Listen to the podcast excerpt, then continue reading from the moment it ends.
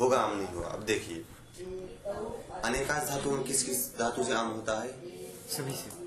उर्णों को छोड़ करके। और ये उर्णु को नहीं। होगा क्यों नहीं होगा उर्णु को? वार्तिक है। उर्णो तेष्ट प्रतिषेध वक्तव्य ठीक? उर्णो तेष्ट प्रतिषेध वक्तव्य उर्णु धातु को प्रतिषेध कह देते हैं? किससे प्राप्त था? तो अनेकाच होने से का से अनेकाच आमिति वक्तव्य से अनेकाच होने से आम प्राप्त था। तो नहीं होता तो और जागृत धातु को विकल्प से होता है। ठीक? जागरी को विकल्प से आम होगा तो पक्ष में लिट हो जाएगा। पूर्ण धातु से लिट ही होता है आम नहीं होता। और अनेका जैसे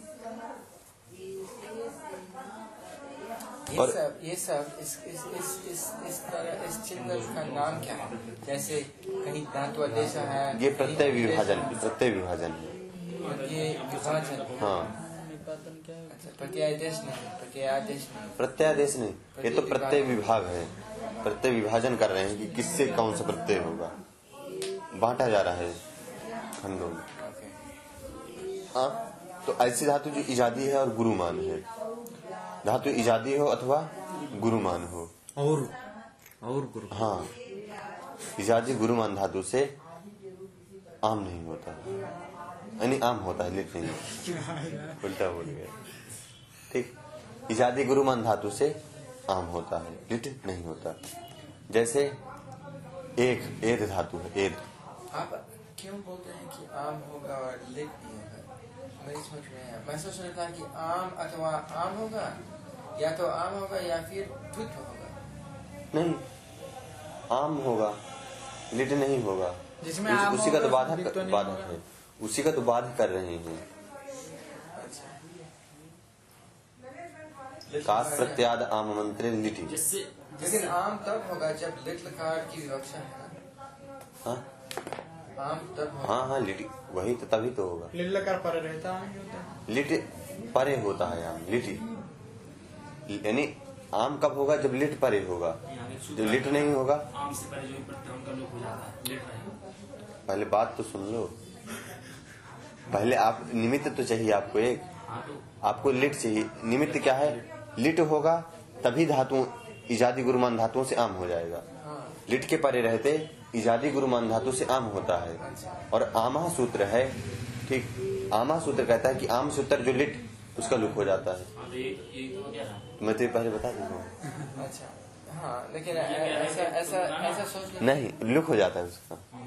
वैसा नहीं सोचना चाहिए कि लिट लिट होता है द्वित्व होता है। लिट ऐसा नहीं हो सोचना कि ये आ, या तो लिट होगा या फिर आम होगा। पहले नहीं। होगा ही उसके स्थान पर या उसके बाद। लिट पड़े होने पर लिट परे रहते। ठीक। इन इन धातुओं से आम होता है। ठीक। तो हमें हमें अब कौन सा प्रत्यय दिख रहा है? हमें तो आम दिख रहा है। कैसे? जैसे हमें ताश लुट लकार में हम लिट लकार में धातु सूत्र विकल्प प्रत्यय देखते हैं ना तो सार्वधातुक प्रत्यय। तिप इत्यादि स्यति इत्यादि रहता है तो उसमें हम तीन ही देखते हैं। हमें स्या दिखाई देता है। ऐसे ही यहाँ है हम भू धातु लाए तो भू धातु से उत्तर हमें एध धातु सूत्र हमें आम दिखाई देगा न तो लिट दिखाई देगा। और आम सूत्र जो लिट आएगा उसको लुक हो जाएगा। तो यही है कि इन इन धातुओं से ये प्रत्यय हो, हो रहे हैं। यानी किन धातु से लिट होगा और किन धातुओं से आम होगा ये विभाग करना है। आम होगा मतलब लिट परे रहते इन धातुओं से आम होगा उसका ऐसा अर्थ है। लिट के स्थान पर होगा ऐसा नहीं है। अगर लिट के स्थान पर होगा तो क्या हो जाएगा? तो फिर उससे कोई आप नहीं कह सकते मतलब अन्य कार्य में कहा बाधा आएगी? लिट। हाँ लिट करेंगे तो द्वित्व द्वित्व इत्यादि होने लग जाएगा वही कार्य। तो आम होगा यहाँ पर। ठीक। है तो ये विभाग हो गया इनका। अब ये विभाग हुआ। अब सारे आए हैं। लिट लकार के प्रत्यय दो हैं। एक तो देखिए, पहले सार्वधातु का पहली बात, वो सार्वधातु के स्थान पर हुए हैं। तिप इत्यादि के स्थान पर हुए हैं। ठीक? रणा लातु सुस्थ हलातु ये सूत्र है। और लिटस तजयो रेशी रेच यानी परस्मय पद परस्मय पदा नाम सुस्थ हलातु पद में जो तीत हंत इत्यादि है लिट पर लिट में यानी लिट लकार में परस्मी पद में जो अणल अतुस्तीत अंति इत्यादि हैं इनको अणल अतुसु स्थल अतुष नल व म यथा संख्या आदेश हो जाती है। अर्थात ते के स्थान पर अणल दस के स्थान पर अतुस और झी के स्थान पर उस हो जाता है। यानी यथा संख्या करके नौ के स्थान पर नौ। सूत्र अच्छा ये ये तीन चार। तीन चार। तीन चार? सतहत्तर के बाद देखिए। सतहत्तर। ये लगभग वही अस्सी के आसपास अस्सी पचासी। बयासी। ठीक। तो ये हो, हो जाएगा। नहीं कि इन धातुओं से होगा लिट और क्या बात? है? प्रत्यय की बात कर प्रत्यय। तो तीता हांति जो नौ प्रत्यय हैं इनके ही स्थान पर यथा संख्या करके णल अतुस उस थल अथुस अणल वामा ये आदेश हो जाते हैं परस्मय पद में। क्योंकि सूत्र कह रहा परस्मय पदानाम परस्मय पदानाम तिपा नाम ठीक? स्थाने णल अतुस थल अथुस नल वामा यथा संख्या आदेश यानी यथा संख्या आदेश हो जाएँगे। तिपादी जो नव उनके स्थान पर ये नव यथा संख्या क्रम से आदेश हो जाएँगे। क्योंकि नव स्थान और नव स्थानीय नव आदेश और नव स्थानीय है तो उनके स्थान पर ये जाके चले जाएँगे। अब इसके बाद फिर सूत्र है लिटस तजय और सीरीज़ लिट का जो ता झा ता और झा इसके ऊपर सूत्र है ये। इससे ऊपर होगा। देखिए परस्मी पदा नाम के ऊपर है ना? इसके ऊपर ये कह रहा है कि लिटस तजय और सीरीज़ लिट लकार में जो ता और झा प्रत्यय हैं उनके स्थान पर एश और इरेज हो जाते हैं? ता और झा। ये है ना देखिए कहाँ है। ये ये प्रत्यय थे हाँ। तो ये जो ए है ना ये है ते आते अते है होता है यहाँ। ये तो ता है ता आताम अता ता आताम झा होता है पहले। तो वही कह रहा है लिटस तजयो हो रेस रेस लिट लकार में ता और झा के स्थान पर एश और इरेच आदेश हो जाते हैं। ठीक? तो एश में ए बचा और इरेच में इरे बचा। ये होते हैं। ठीक? तो इसके जी। प्रत्यय बनवा दो। बना दिए ये भी हो गया आम का ज्ञान हो गया। उष धातु को क्या होगा उष। उष। धातु ऐसा थोड़ी पढ़ा दिया एक मिनट पढ़ा दिया एक सेकंड पढ़ा दिया। कविता जागृत से। विद भिन्न तरह श्याम आम। भी होता है विकल्प से। द्वित्व भी होता है। तर्हि यदा आम भवति तदा ओशान चकार आम न भवति तदा उघोष क्या पढ़ाया तुमने? ऐसे पढ़ाया है? अब हम उनको देखें कि तुमको वहाँ उनको कुछ देखना चाहते हैं तो तुम लोग यहाँ पढ़ाओ भाई। भीतर बैठे हो माता जी आई, उनको कुछ मालूम होना चाहिए ना।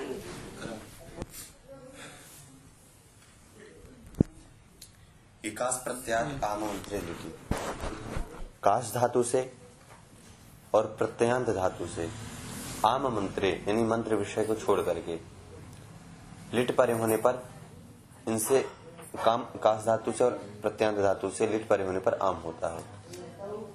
मंत्र विषय को छोड़ करके, ठीक? तो वार्तिक इसके लिए बनाते हैं, कहते कि आप ऐसा नहीं कहिए, प्रत्यांत मत कहिए, आप अनेकाच कहिए। प्रत्यांत मत कहिए, प्रत्यांत के स्थान पर आप अनेकाज कह दीजिए। उस, उससे क्या होगा? उससे ये होगा कि आपकी दरिद्रा उर्णु जागरी दीधी वेवी चिरी, जिरी। ये जितनी धातु हैं, इन सब धातुओं क्या होगा? इनसे भी हो जाएगा।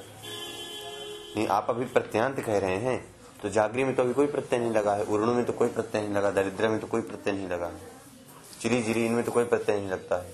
तो आप इनमें कैसे आम करेंगे? ठीक दरिद्रान चकार बनाएँगे आप, ठीक, चिरया- चिरयान चकार बनाएँगे, जिरयान चकार बनाएँगे, दिध्यान दिध्यान चकार बनाएँगे तो ये सब बनाएँगे तो आप क्या करेंगे? ठीक?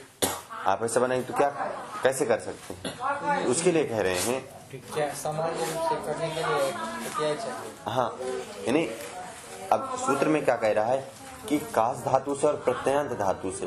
प्रत्यंत धातु प्रत्ययांत मतलब सनाद्यंत धातु से। लिट पर होने पर आम। आम होता है। ठीक? तो चिरी जिरी दरिद्रा दीधी वेवी ये सब धातुओं पर प्रत्यांत नहीं है।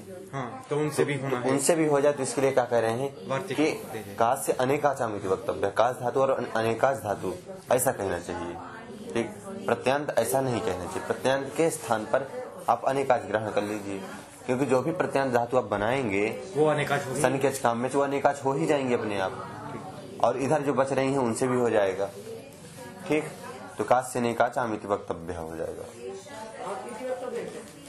आम। आम वक्तव्य। मैं तो ऐसे काश से निकाच आम वक्तव्य है। ठीक। काश धातु और अनिकाश धातु से आम होता है। ये विभाग हो गया। तो अब अनेकाश सभी सभी अनेकाश धातुओं से क्या होता है? आम होता है। जितनी भी धातु अनेकाश और काश धातु से भी आम होता है। क्योंकि काश धातु अनेकाश नहीं है। ये विभाग हो गए। अब इसके बाद फिर उर्णु धातु भी अनेकाच है। उर्णु धातु भी अनेकाच है। उससे भी क्या हो जाएगा? आम होने लगा। तो उसके लिए कह रहे हैं उर्णु त्यष्ट प्रतिषेध हो वक्तव्य। ये उर्णु धातु से आम नहीं होता। यह है है कल्लिट लगा समाप्त होना चाहिए। कल्लिट समाप्त होना चाहिए। नहीं उर्णु धातु से आम नहीं होता। है उर्णु धातु से लिट हो जाएगा। है प्रतिषेध हो। वक्तव्य उर्णु धातु से आम नहीं होकर लिट हो जाएगा क्योंकि लिट पर रहते आम होता है ये तो हमें पता है। अब ये हो गया अब इसके बाद सूत्र है इजादेश गुरु मतो निच्छा इजादी गुरुमान धातु से आम होता है लिट परे होने पर रिच धातु को छोड़ करके आम मंत्र मंत्र विषय मंत्र भिन्न विषय में। यानी मंत्र विषय न हो तो। ये अर्थ हुआ इसका। यानी इजादी गुरुमान धातु से आम होता है रिच्छ को छोड़ करके, ठीक?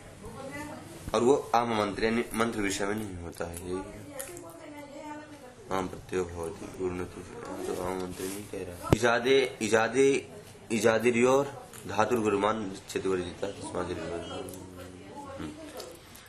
तो हो गया। इजादी, जैसे ई है धातु धातु है एद ठीक? एद धातु कैसी? इजादी है और गुरुमान है। यानी इजादी हो या फिर गुरुमान हो? धातु इजादी हो या गुरुमान हो? इजा, नहीं सॉरी। वही वही मैं कह रहा हूँ। इजादी गुरुमान। है वही मेरे बात दो बार मुँह से ही निकला है। ठीक? इजादी गुरुमान धातु से आम होता है लिट परे होने पर। ठीक? इजादी गुरुमान धातु से आम होता है लिट परे होने पर। तो एद धातु है एद इजादी भी है और गुरुमान भी है। इंक धातु इंक धातु कैसी है? इंक धातु इजादी है और गुरुमान है। गुरुमान कैसे है? संयोग पूर्व इकार है। संयोग से पूर्व इकार है। तो क्या हुआ? तो उससे गुरु संज्ञा आ जाती है। कब होती गुरु संज्ञा कब होती है? गुरु संज्ञा तब होती है जब स्वर दीर्घ हो या फिर संयोग हो। संयोग से पूर्व संयोगे गुरु। ठीक। यानी बाद में संयोग हो तो उससे जो पहले अच होता है। अच। उसकी गुरु संज्ञा हो जाती है उसको गुरु भी कहते हैं। तो इजादी गुरुमान धातु से अंत में क्यों नहीं हुआ? अंत में। अंत में हो अंत में वो गुरु है पर इजादी नहीं है। गुरु कहीं पर भी हो सकता है। अंत इजादी नहीं है। इजादी इच आदि में होना चाहिए। चाहिए। इच। इच मतलब ई उ रील री ए ओ। आई ओ। ठीक। ऐसी धातु होनी चाहिए। तो इनसे क्या हो जाएगा? इनसे आम हो जाएगा इजादी गुरुमान धातुओं से। अनरिच्छा रिच्छ धातु से नहीं होता। क्योंकि रिच्छ धातु कैसे? इजादी भी और गुरुमान भी है। इससे नहीं हो सकता था, इससे भी हो जाएगा। फिर दया या षष्चा दय अय और आस, इन धातुओं से भी हो जाता है। दय अय आर आस, क्योंकि दय धातु न तो इजादी है आय धातु इजादी भी नहीं है। और आज धातु गुरु मान तो है, पर इजादी नहीं। है तो इनसे प्राप्त नहीं था तो यहाँ कह दिया। ठीक। उष विद जागृभ्यो निदरस्यम। उष धातु विद जादु धातु और जागृ धातु से विकल्प से होता है। इनमें से जागृ से तो नित्य प्राप्त था। जागृ से तो नित्य प्राप्त था तो उसको विकल्प कर दिया। उष विद को नहीं प्राप्त था तो विकल्प उसको कह दिया। यानी जागृ को नित्य प्राप्त था, उसको विकल्प किया है। और उष विद को नहीं प्राप्त था, उसको विकल्प उसको प्राप्त कराया है विकल्प से। ठीक? क्योंकि उष धातु इजादी है, पर गुरुमान नहीं है। विद धातु इजादी नहीं है। अब भ्री भी ह्री भ्री श्लुवच्च। ठीक? भी भय धातु। ह्री भ्री और हु धातु आम होता है, और जब आम होता है, तभी इन्हें श्लुवत कार्य होता है। अर्थात जो श्लू में कार्य होता है वही यहाँ होता है। ठीक? तो भी धातु से किसी सूत्र से नहीं प्राप्त था। प्राप्त कराया। भ्री भ्री और हु इनसे किसी से नहीं प्राप्त था। तो हो गया। तो चकार विभयान चकार तो आम होगा और श्लुवत कार्य होगा। तो श्लुवत कार्य क्या होगा? श्लुवत कार्य का काम है मतलब है अन्य तरह से हम कह रहे हैं ना। अन्य भ्री ह्री भ्री हुआ श्लुवत ऊपर से अन्य तरह से हमारा है हाँ। ठीक। अरे हाँ अन्य तरह से हम ठीक। विकल्प है ना? विकल्प से हुआ है नहीं? तभी तो कह रहे जब होगा जब आम होगा तो क्या होगा? इसको श्लुवत कार्य होगा। तो श्लुवत क्या कार्य होता है? श्लुवत का द्वित्वं और? श्लौ इत्यनेन द्वित्वं भवति। श्लौ। और- लक्षण प्रत्यये लक्षणं न भवति। प्रत्यये लक्षणं न भवति। घूमो फिरो मज़ा करो। सीधे यही प्रत्यय से- लोप लोपे कौन करे इस बार? कदा लोभा कदा भवति भवान् पृष्टवान् यत् श्लू किं किं कार्यं भवति? एकमस्ति द्वित्वं लगा द्वितीयमस्ति येन तस्य लोपः भवति। उषा। य- य- यस्य लोपः भवति तेन तस्य कार्यं परतः किं किं कार्याणि भवन्ति? किम किम कार्याणि कानि कानि। कानि कानि। कानि कार्याणि। किम किम कानि कानि कार्याणि। किं कार्याणि। श्लू इति प्रत्ययः नास्ति खलु। हा? प्रत्यय प्रत्ययः अस्ति वा? प्रत्यय। कथं प्रत्ययः? अरे प्रत्यय से स्थानीय भवति श्लू श्लू नाम किमपि। आगच्छति? लोप से संज्ञा अस्ति। लोकसंज्ञा तत् वयं तु न लिखामः भू अथवा जुहोति जु श्लू इति श्लू तु न लिखामः तत्र? डु श्लू इत् थि तु न भवति?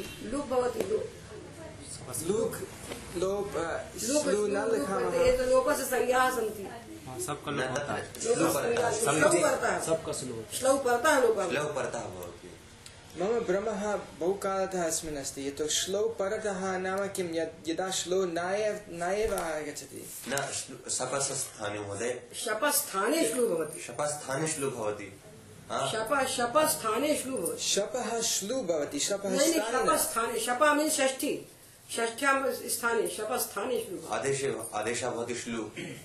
श्लु भवति तस्य लोप संज्ञा अलोप इति किं? दर्शनं लोप। आदि प्रवृत्तिभ्य शपः ज्योत्यादिभ्य शपः श्लू। शप स्थाने श्लू श्लू। आम् ज्योत्यादिगणे। आम् ज्योत्यादिभ्यः श्लु। तो वयं तु न लिखामः जु जु जुः श्लू न, तस्- न नहीं वो दिखता नहीं है लोप- श्लू श्लू तु है है अदर्शनं न महोदय तस्य है। अस्ति लोप अस्ति न। वो दिखता नहीं है तुमको। लोप संज्ञा अस्ति।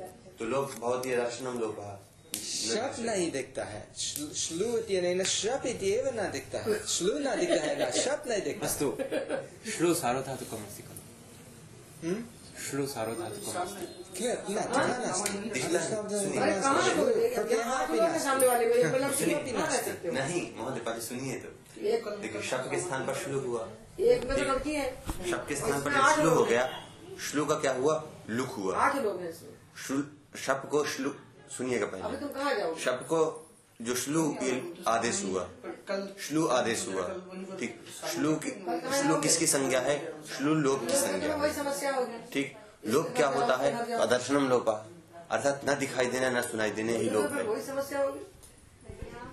लोप स्वयं दिखाई देता है नहीं, नहीं देता है एवं नास्ति। शब्द दिखाई नहीं देता। तो शब्द को श्लू आदेश हुआ है ना?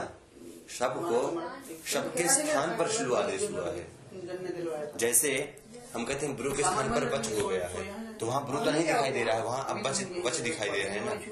तो हम वच के कार्य करेंगे वच को संप्रसारण करते हैं। ठीक, ऐसे ही शब्द को श्लू हुआ, सुनिए पहले। शब्द को श्लू हुआ है, और श्लू किसकी संज्ञा है? श्लू जो हुआ है श्लू संज्ञा है लोक की। लड़की आ गई लड़की को किसको रख सकते हैं और लोक होता है जो, वो दिखाई नहीं देता है और न सुनाई देता है। माता श्लू- श्लू प्रत्ययः अस्ति वा? श्लू प्रत्ययः प्रत्यय तो प्रत्ययः श्लू.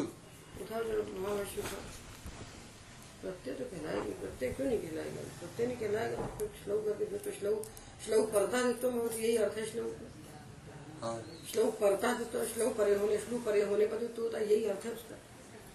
श्लोक परे होने पर इसको रख जाओ। उधर कमरे में जाओ और इसको रख के बंद कर दो।